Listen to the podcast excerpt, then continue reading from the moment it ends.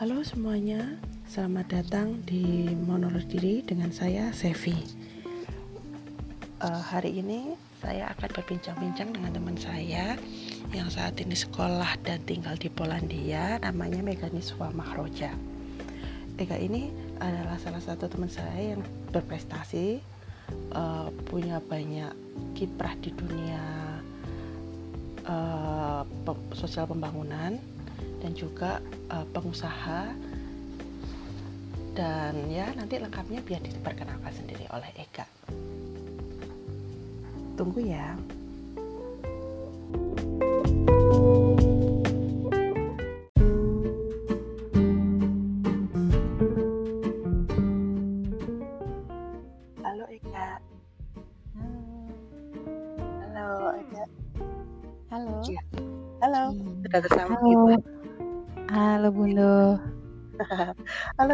Ini teman saya Eka. Uh, mungkin Eka bisa memperkenalkan dirinya. Uh, halo teman-teman semuanya, perkenalkan saya Ega. Panggilannya Ega, nama lengkap saya Mega Niswa Mahroja. Sekarang saya uh, sedang studi di Polandia. Uh, mungkin nanti mau sedikit cerita-cerita sama teman-teman semuanya.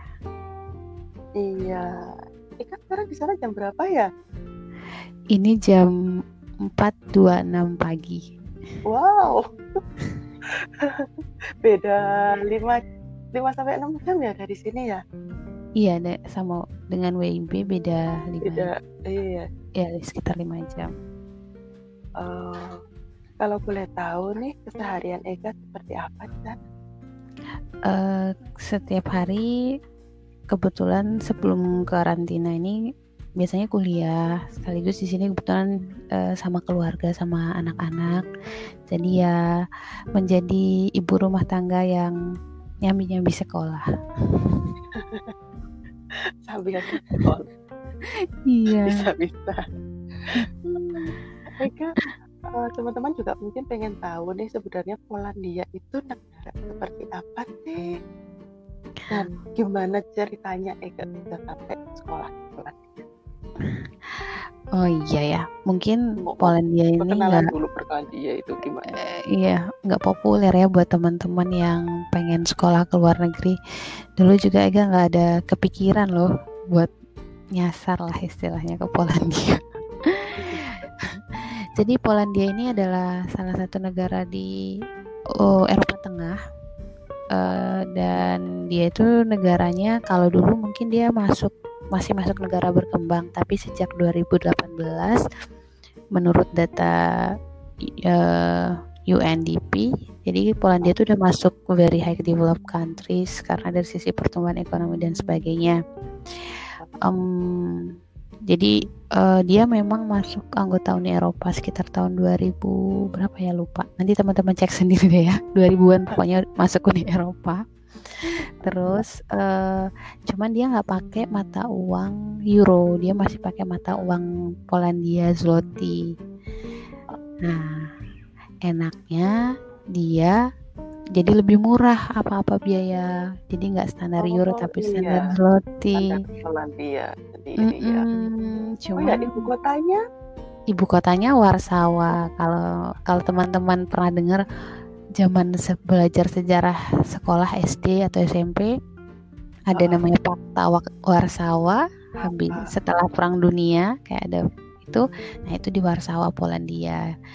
Nah, dia negaranya eh eh, cukup apa ya?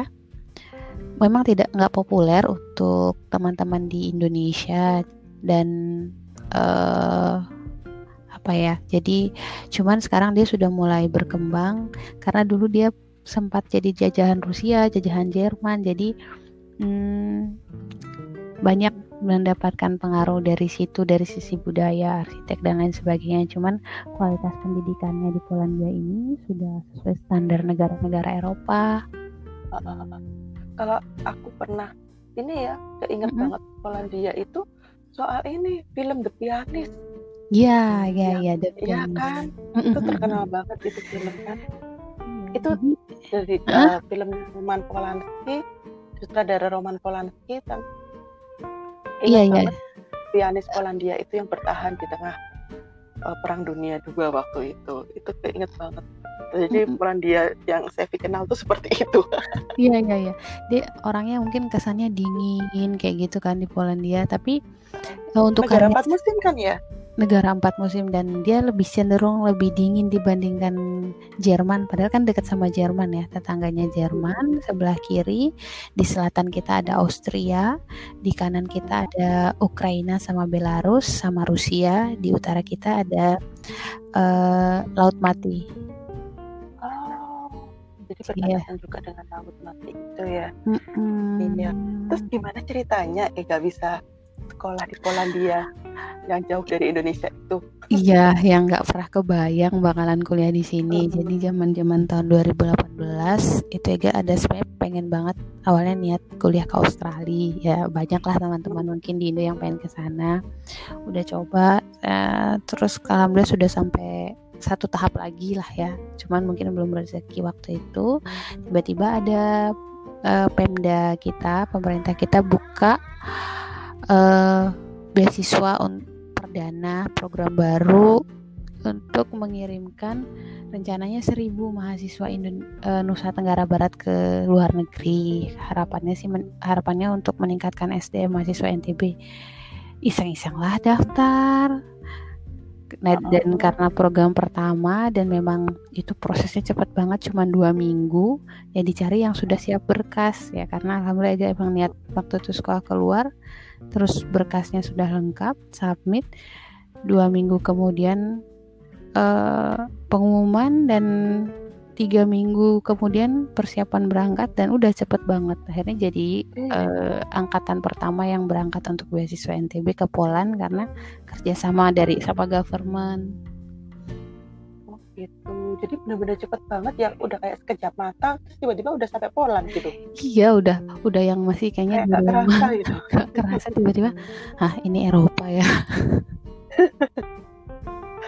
Tapi pengalaman yang luar biasa sekali loh uh, hmm. untuk beasiswa daerah NTB ya Ega kan dari NTB iya, kan iya dari itu NTB. dari support juga dari pemerintahnya luar biasa iya memang Terus, luar biasa gimana? sih eh, Ega ini juga jurusannya apa sih yang di sana uh, sekarang Ega jurusannya International Peace and Conflict Studies uh. jadi kita lebih banyak belajar tentang manajemen konflik, studi perdamaian, tapi kebetulan nih uh, Master of ya Master of Peace and in, Master of International Peace and Conflict Studies. Jadi kita belajar tentang fokusnya, fokusnya di sini. kalau Ega ngambil fokusnya tentang positif peace. Jadi kayak sebenarnya kan kalau orang ngomong konflik-konflik itu perang apa enggak? Jadi sekarang ada yang lebih kontemporer. Jadi konflik itu ya bisa jadi uh, masalah ekonomi jadi konflik masalah lingkungan jadi konflik. Ega banyak uh, sekarang nulis tesis kebetulan lebih fokus ke konflik terhadap migran di Uni Eropa krisis imigrasi. Jadi area studinya lebih pada konflik yang non perang lah seperti yang no, konflik yang oh, oh. kontemporer. kontemporer uh, uh, gitu. Hmm. Jadi Ega bisa ceritain juga soal kampusnya dan pendidikannya kayak gimana? Hmm. Kebetulan Ega kampusnya namanya Collegium Civitas. Ini kampus ini kerja sama sama pemerintah. Dia adalah salah satu kampus swasta. Cuman untuk international relations dia salah satu ya apa untuk international relations sama studi sosial dia salah satu yang terbaik di Polandia.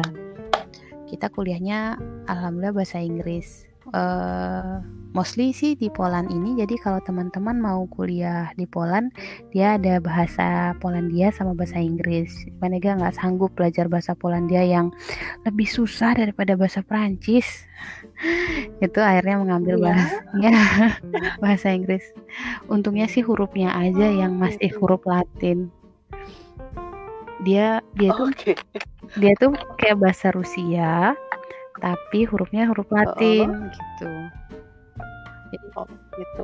Terus tapi kiranya juga uh, ini uh, apakah harus ada persiapan bahasa itu loh gak untuk kita sekolah di Polandia kayak gitu Ah. sebenarnya kayak gimana apakah diharuskan atau enggak sih kita belajar bahasa Kalau teman-teman ke sini dengan beasiswa dari pemerintah Poland, jadi ada namanya Ignasi, beasiswa Ignasi, itu teman-teman diwajibkan untuk ambil kelas bahasa satu tahun. Dan ini udah tutup sih pendaftarannya biasanya mulai-mulai bulan Februari sampai Maret kalau nggak salah ya. Nah itu beasiswa Ignasi untuk Mm-mm. teman-teman. Tapi kalau teman-teman eh, dari pemerintah NTB nggak diwajibkan karena kita memang eh, kerjasamanya dengan mata kuliah yang berbahasa Inggris. Cuman biasa nanti di kelas kita ada kayak mata kuliah tambahan ketika kita mau pilih kuliah bahasa untuk survive di sini. Alham- Oh, Hmm, Alhamdulillah sih agak di Warsaw cukup banyak yang sudah bisa bahasa Inggris dan ya mengandalkan Google Translate ketika misalnya ngomong sama orang-orang yang agak tua yang nggak terlalu ini dengan bahasa Inggris gitu. oh. Ah, ini Ega boleh cerita balik ya? Sorry tadi kan open apa tentang Poland lagi balik sedikit sejarahnya. Nah, boleh boleh boleh Jadi- karena Poland ini punya sejarah yang cukup panjang. Kalau image-nya mungkin di internasional Poland tuh ah orangnya dingin, orangnya tertutup. Karena mereka mengalami sejarah yang cukup panjang. Mereka pernah eh, sebagian wilayahnya masuk apa jajahan Jerman, masuk jajahan Rusia, bahkan sempat mereka tidak ada dalam peta dunia sama sekali karena dia eh, masuk jajahan negara-negara lain terkotak-kotak kayak gitu.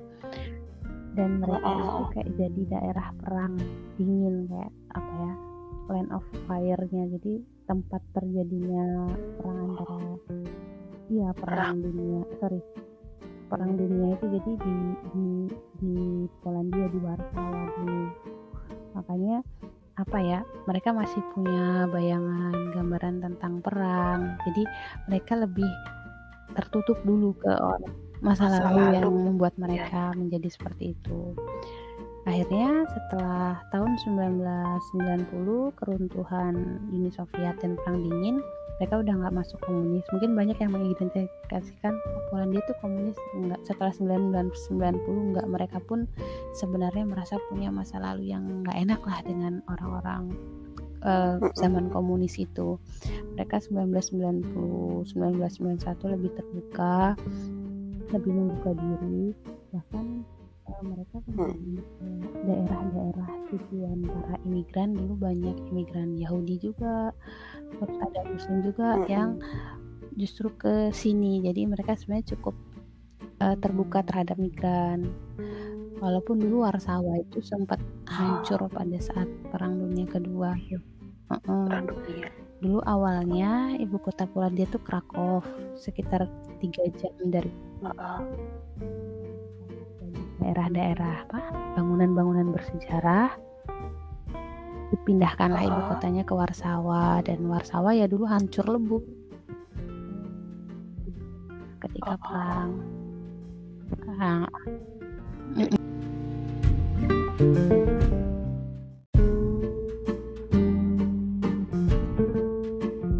Akhirnya karena dia setelah perang dunia kedua mulai masuk fase perang dingin kedengeran nggak Heeh.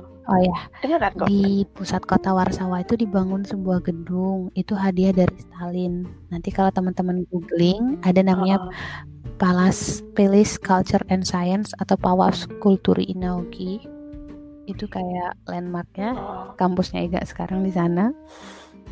Itu jadi saksi sejarah lah tentang bagaimana Polandia mengalami masa-masa ini.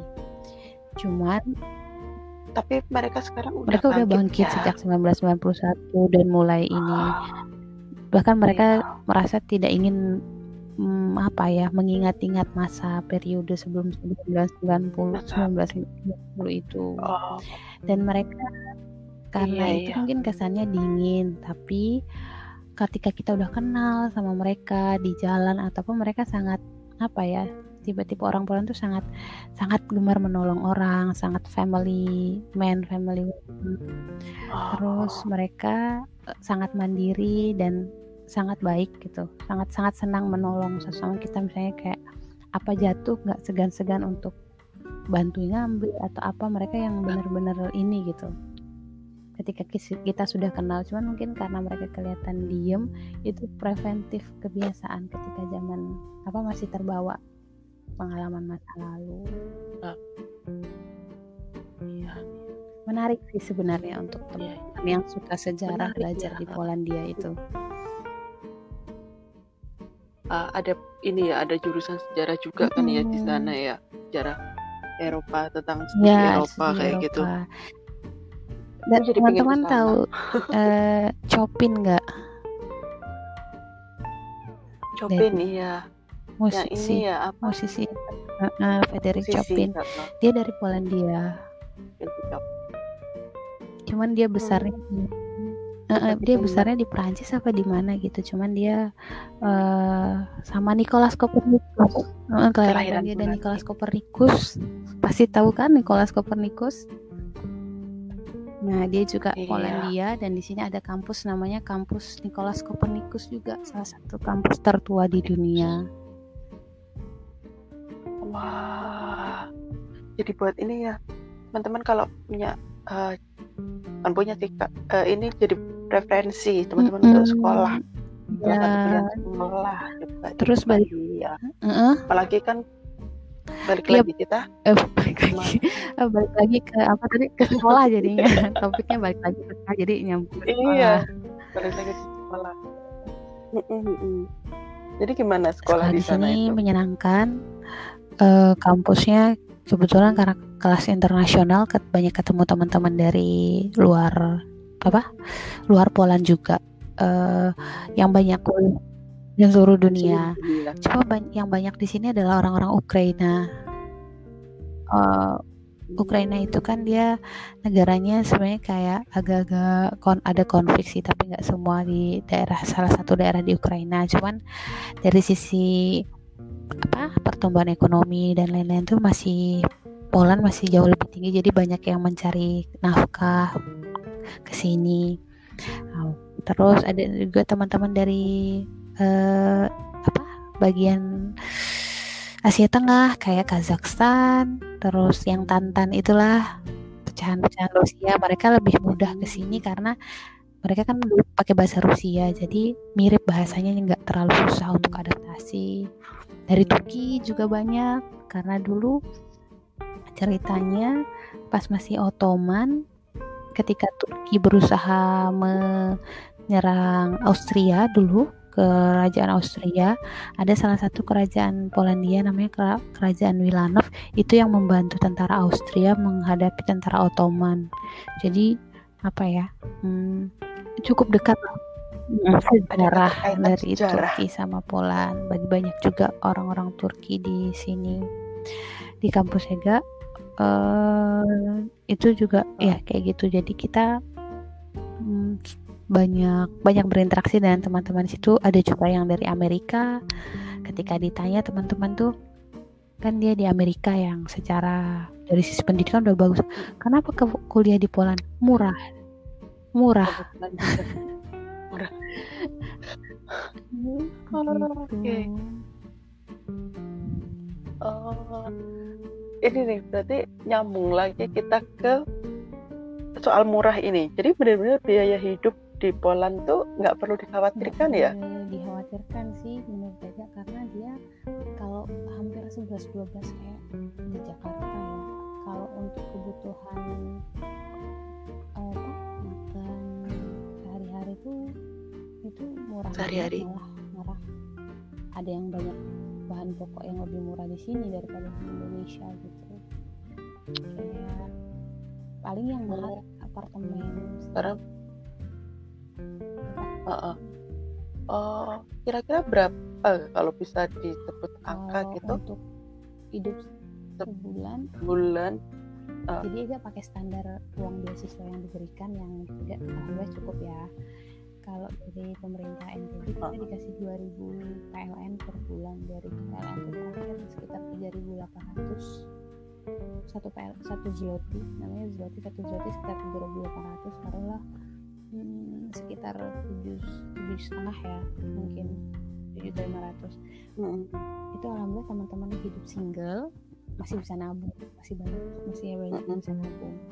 Kalau ada beasiswa dari pemerintah Polandia sekitar 1.500 1.500 zloty per bulan.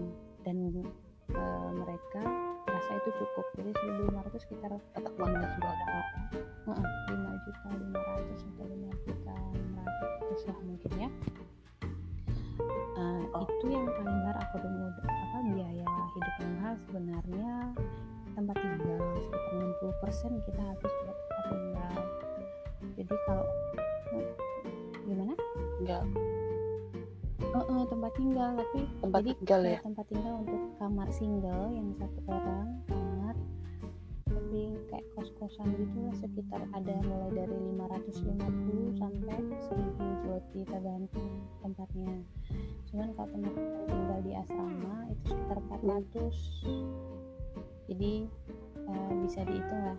Cuman untuk di luar asrama yang uh, asrama tuh 400 kadang ya berempat satu kamar. Kalau yang satu kamar bener-bener sendiri biasanya 1000 atau enggak 900 kalau untuk satu apartemen range-nya macam-macam mulai dari 2000 sampai 3000 ada sih yang 1800 ada udah sama bias ya. Nah untuk biaya sehari-hari per minggu kalau Ega kan berkeluarga ya karena sama anak-anak mungkin agak apa agak lebih tinggi memang budgetnya. Cuman seminggu ya biasa kita belanja tuh sekitar 150 untuk kebutuhan makan. Atau enggak 100 kalau makanan pokok aja 100 sekitar 400 ribu lah ya seminggu. Itu udah udah bisa makan seminggu makan oh. ayam apa gitu daging bisa. Jadi sebenarnya kalau dihitung sama belanja di Indonesia sama sama aja. Di sama aja ya setiap hari ibu-ibu komplek seratus ribu kadang kurang kan dapetnya makan. Buat makan keluarga iya.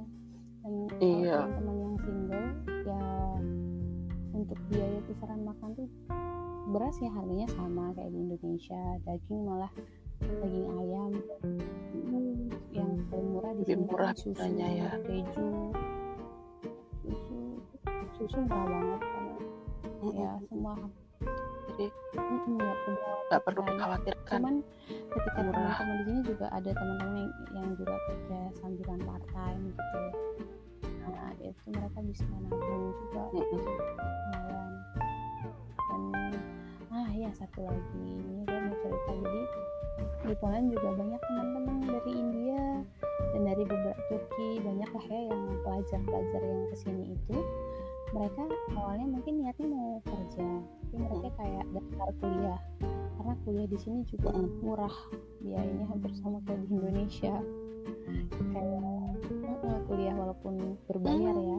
Kalau untuk kampus negeri sebagian besar gratis yang berbahasa Polandia. Ada sih bahasa Inggris yang gratis beberapa. Nah jadi mereka kayak daftar kuliah tapi cari kerja di sini. Setelah sampai sini cari kerja. Itu sambil kerja. -uh.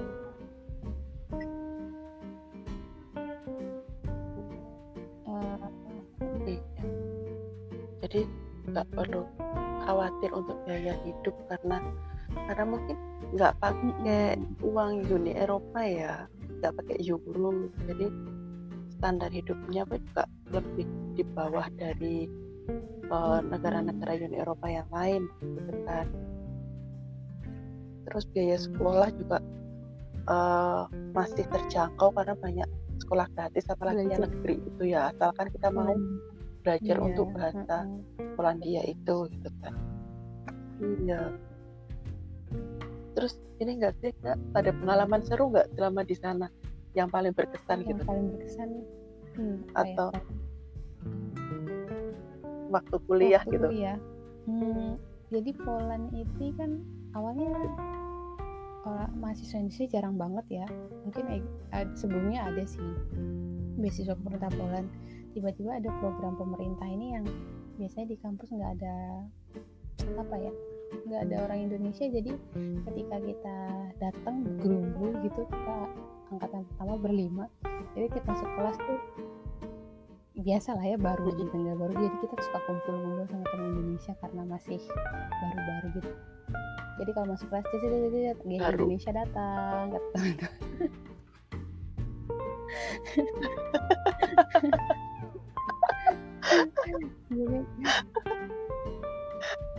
Karena juga baru Iya. pertama kali ngelihat orang ya, Indonesia lagi sebagai mahasiswa mungkin ya. Cewek-cewek. Ya, kulitnya. oh, oh, ah oh. kulitnya juga berbeda dengan mereka gitu. paling mencolok. Ada ini enggak tantangan selama di sana. Mungkin dari kalau segi bahasa kita lah ya masih bisa berbahasa Inggris. Tapi ada tantangan-tantangan yang lain enggak makanan Tantangan mungkin atau makanan. gimana? Eh, awal-awal sih iya karena kita belum tahu tempat beli makanan halal dan lain sebagainya. Cukup di sini ternyata sudah cukup banyak. Apa toko daging dari Turki. Karena Turki yang toko-toko untuk daging toko-toko barang-barang banyak kan Turki yang punya paling ya kita nyiasatinnya kalau makan itu beli menu yang vegetarian. Di restoran tuh biasanya ada menu vegetarian. Soalnya di sini populer banget loh teman-teman. Kayak makanan vegan vegan itu dan harganya jauh lebih mahal daripada daging. Terus tantangan paling ya awal-awal ya itu sih eh, apa adaptasi bahasa. Cuman kadang agak-agak bahasanya kan agak-agak gitu loh. Itu awal-awal cuman lama-lama bisa lah karena terima kasih Google Translate tantangan lain mungkin terus untuk transportasi? Nah, transportasi tantangan murah transportasi gitu? Kalau dibandingkan negara-negara Eropa lain. Transportasinya kita udah cukup terkoneksi sih kayak ada tram ada tram ada MRT ada bus yang terkoneksi hampir ke semua tempat jadi tantangannya musim kali ya teman-teman. Karena di sini mm-mm, Oh, ganti musim musim ya. dia.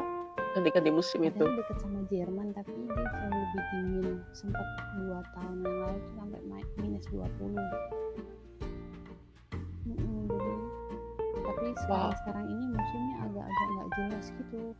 Eh, kadang harusnya ini masuk musim semi tapi minggu lalu masih salju kayak gitu. Perubahan cuaca mungkin ya. Dan pas musim panas tantangannya. Panas sampai bisa 37 38 yang panasnya tuh beda sama di Indo. Oh. apa? Kering. Apalagi Hmm. juga ini kan Ega bawa anak-anak ya anak-anak sendiri juga mudah beradaptasi gitu nggak Ga? kan Iya, Buat tantangan iya, kehidupan susah. juga Kalau musim kan. dingin kita masih bisa survive tinggal pakai baju dingin ya. Kalau musim panas tuh, aduh, apa ya? Ya itu sih yang sampai kadang mata bisa sampai merah. Jadi yang benar-benar kita malah lebih banyak kita apa pakai AC eh pakai nggak pakai AC kita pakai kipas angin di sini jarang yang pakai AC kalau apartemen kecuali apartemen yang mewah atau toko-toko karena mereka ngerasa terlalu banyak mengalami musim dingin jadi musim panas tuh mereka senang banget. Cuman ya itu bagi ukuran kita itu 37 derajat itu cukup panas banget dan kering nggak ada angin gitu Cukup loh kalau panas Indo banget. Panas tapi masih ada angin di sini tuh panas kering. Jadi benar-benar tantangannya lagi puasa ini sebentar lagi puasa. Eh, kita kita puasa bisa sampai 14 jam sahurnya jam 3 buka puasanya setengah 9 kadang jam 9 itu sih tantangan yang cukup berat berat. ya tapi bisa diatasi. diatasi lah ya mas bisa diatasi kayak gitu Eh, terus untuk keadaannya kayak sekarang nih kak Mm-mm. kita kan juga sama-sama mengalami pandemi nih ya. Eh, kalau di Poland udah Di seperti Poland apa sih kondisinya? Sekolah sudah tutup mulai tanggal 10 Maret. Tapi kita totally lockdown mulai tanggal 15 uh, Maret. Itu awal-awal sih kaget cari beras susah karena mungkin pada panik ya cuman alhamdulillah sekarang pemerintah mm, uh, untuk kebutuhan pokok tetap tersedia yang buka cuma uang apa kayak supermarket, apotek, semua rumah sakit semua dibatasi. Bus juga awalnya yang beberapa menit sekali sekarang agak lama. Total awal-awal Poland tuh cuma satu dua sekarang per akhir Maret tuh masih eh per per pertengahan tanggal 20-an kemarin tuh masih 700 halo? Halo? Halo? Total halo? Eka ya ya ya. Ya.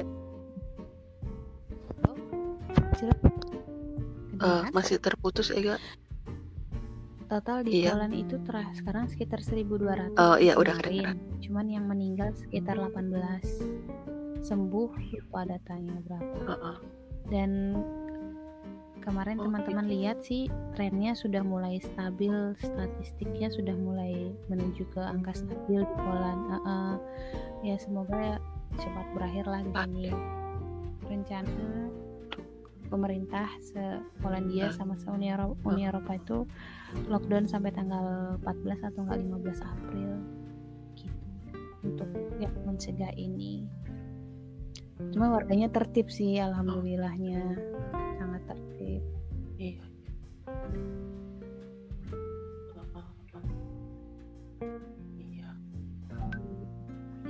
Beda sih sama di Indonesia karena hmm. Indonesia juga angkanya sudah mencapai 1200 hmm. dengan tingkat kematian yang lumayan tinggi. Terus umumnya juga masih rendah. Dan karena belum ada lockdown ya ada per, karena mungkin pertimbangan-pertimbangan. Jadi kalau hmm. uh, daerah sepi di sini itu hmm, hmm, hmm. mulai karantina hmm. wilayah secara mandiri kayak gitu loh. Itu aja sih. Hmm. Iya kayak gitu. Karantina wilayah mandiri. Tiap RT oh, RW itu punya anu inisiatif ya, untuk RT, menutup wilayahnya masing-masing. Beringharjo mungkin masih rame ya? Oh udah sepi. Ha -ha. enggak sudah sepi Malioboro, hmm. Beringharjo yang apa namanya tempat wisata itu kan sudah ah, ditutup. Iya, iya, iya. Jalan-jalan iya, sepi, tapi yang tetap ramai itu supermarket kayak gitu-gitu aja sih. Kita di sini masuk supermarket udah kayak dibatasi gitu loh per berapa yang masuk. Terus antri satu meter oh, minimal. Oh, iya. Di Jogja juga ada yang iya. kayak gitu amin amin. Semoga pandemi iya. ini segera berakhir ya. Jadi kita beraktivitas iya, dengan lagi nanti.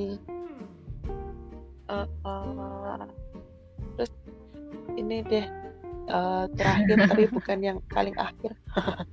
Ada pesan-pesan nggak sih untuk pendengar yang pengen sekolah di Poland atau yang ah buat teman-teman yang pengen kuliah di Poland menurut Ega walaupun dia nggak cukup populer tapi Poland ini sebenarnya banyak menawarkan kesempatan buat meng support self development ya teman-teman.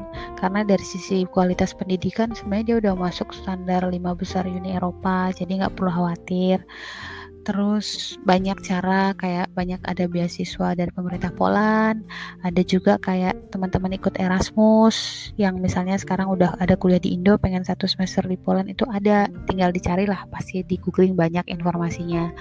Dan kayak kesempatan apa uh, meng, mendapatkan pengalaman hidup di Eropa dan mus, empat musim untuk bisa survive itu banyak banget kesempatannya serta dia murah jadi uh, kualitas pendidikannya juga sudah bagus jadi teman-teman uh, cobalah melihat apa mencoba mencoba melihat Poland sebagai salah satu destinasi sekolah yang menurut cukup Ega rekomendasikan. Sekolah.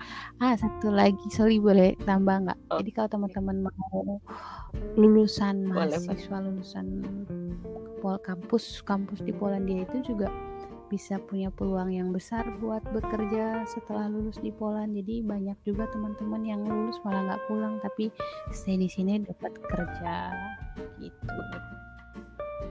Untuk karir internasional karena di Poland ini dia kan sedang berkembang banget jadi dia butuh banyak tenaga kerja untuk uh, negaranya. Jadi banyak banyak usia tuanya tuh udah lebih banyak usia mudanya tuh sedikit. Jadi uh, banyak membuka peluang kerja kesempatan kerja untuk generasi muda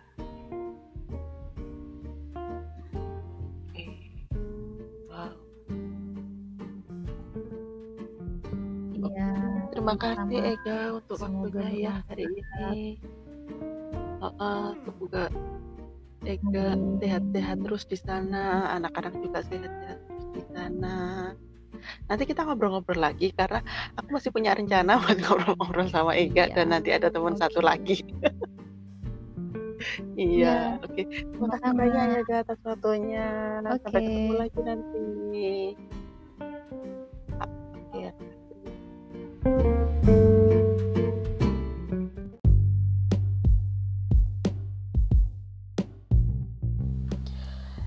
Begitulah bincang-bincang kita sama Eka hari ini. Terima kasih teman-teman sudah mendengarkan. Kita akan jumpa lagi di podcast selanjutnya dengan tema-tema yang juga akan banyak lagi. Terima kasih semuanya. Bye bye.